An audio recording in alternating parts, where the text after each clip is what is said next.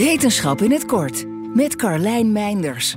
Helemaal nieuw is het idee niet, maar altijd fijn als het weer even onderschreven wordt. Nieuwe dingen leren op latere leeftijd is goed voor je. In het geval van dit onderzoek goed voor je cognitie.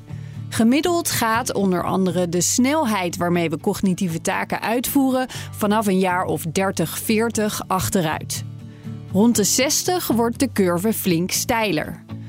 Al hoewel dit over het algemeen gezien wordt als een normaal onderdeel van veroudering, zijn er onderzoekers die vinden dat we het anders moeten bekijken.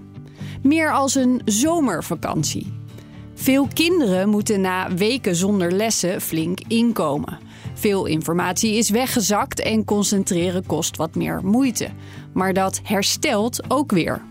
Sommige volwassenen hebben eigenlijk een soort gigantische zomerstop.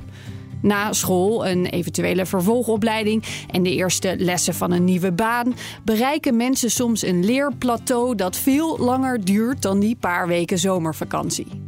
Wat als je dat, net als kinderen na de zomerstop, weer kunt doorbreken? Onderzoekers ontwikkelden een interventie van drie maanden. 33 volwassenen tussen de 58 en 86 volgden drie verschillende cursussen per week.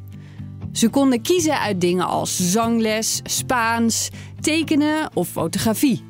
Eén dag van elke cursus per week met een sessie van twee uur. Beetje zoals college dus.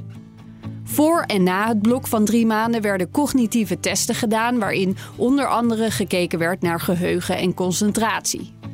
Niet alleen zorgde de interventie voor veel betere scores op deze testen, die groei zette ook door. Een jaar na het experiment waren de scores nog beter, zelfs even goed als een gemiddelde student.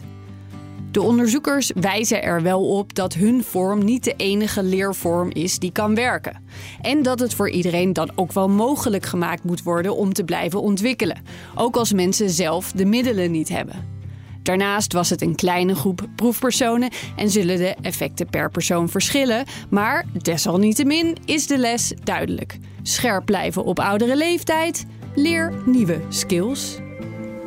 Wil je elke dag een wetenschapsnieuwtje? Abonneer je dan op Wetenschap vandaag. Spotify is partner van Wetenschap vandaag. Luister Wetenschap vandaag terug in al je favoriete podcast-apps. Ik ben Olivier van Solft. Betaalt u te veel huur of huurt u te veel kantoorruimte? Solft heeft de oplossing. Van werkplekadvies, huuronderhandeling tot de verbouwing. Wij ontzorgen u. Kijk voor al onze diensten op soft.nl.